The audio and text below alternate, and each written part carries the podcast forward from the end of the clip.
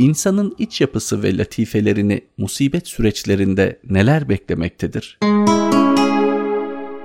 Hepimizin beş duyu organı hayatımızın en değerli varlıklarıdır. Mesela gözümüzü kaybetmeme uğruna her şeyimizi feda edebiliriz. Bir işitme yeteneğimize bir şey olacağı bir durumda, riskli bir durumda elimizde olsa bütün dünyanın servetini harcayabiliriz. İnsanın beş duyu organı yaşamla bağlantısını kuran, çok değer verdiği bir maddi yapılanmadır. Ancak insanın bir de manevi cephesi vardır. Manevi organları vardır. Tasavvufta bu organlar genel itibariyle latifeler olarak adlandırılır. Bu latifelerin kaybı da aslında büyük felakettir. Gerçekten onların şu an varlığını kavrayabiliyor olsaydık nasıl gözümüz için bütün dünyayı feda edebileceğiz? Aynen öyle de bir manevi organımızı yitirmemek için dünyanın bütün serveti gözümüze görünmeyecek derecede değerli organlardır. Bu manevi organlara takılan isimler tabi farklı isimlendirmeler olmuş. Ama böyle ortak isimlerine baktığımız zaman kalp, ruh, hafi, ahfa, sır, vicdan, hayal gibi manevi organlarımızın başlıcaları olarak bunlar sayılmaktadır. Bu organların, bu latifelerin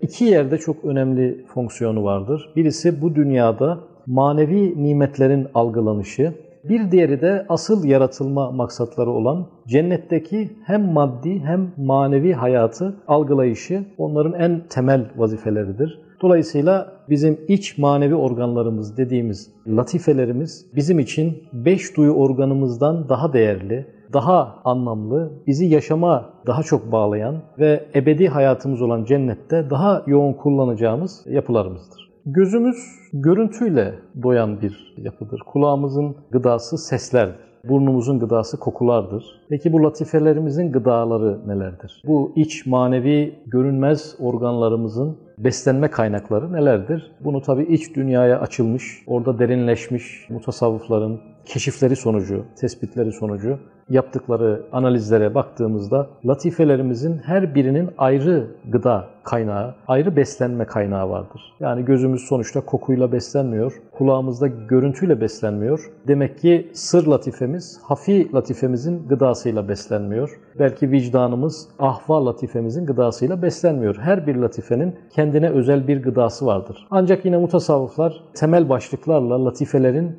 genel gıdalarından bahsetmişlerdir. Mesela iman bütün latifelerimizin gıdalarıdır. Ardından temel bir gıda olarak ibadetler, latifeleri besler ve doyururlar. Çok çok temel olarak görülen zikir, Allah'ı anma, Kur'an okuma gibi seslerden oluşan manevi gıdalar latifelerin temel beslenme kaynaklarından bir diğeridir. Ve ardından gelen çok beklenmedik bir kavram acılar, kederler, musibetler, onların getirdiği duygular latifelerimizin temel gıda kaynakları arasındadır. Musibetlerin sarsıcılığı, acı vericiliğinin ramına o latifelerimizi doyuran, besleyen, kuraklığa düşmüşlerse canlandıran, hatta belki ölüme yaklaşmışlarsa onları dirilten kavram işte bu acılardır. Akıl ve nefs, insanın yine iki manevi yapısı, acı ve keder içerisindeyken sair latifeleri insanın bir memeden süt emen bebek gibi o müsibet ve keder dönemlerinde kendi gıdalarıyla, kendi beslenmeleriyle,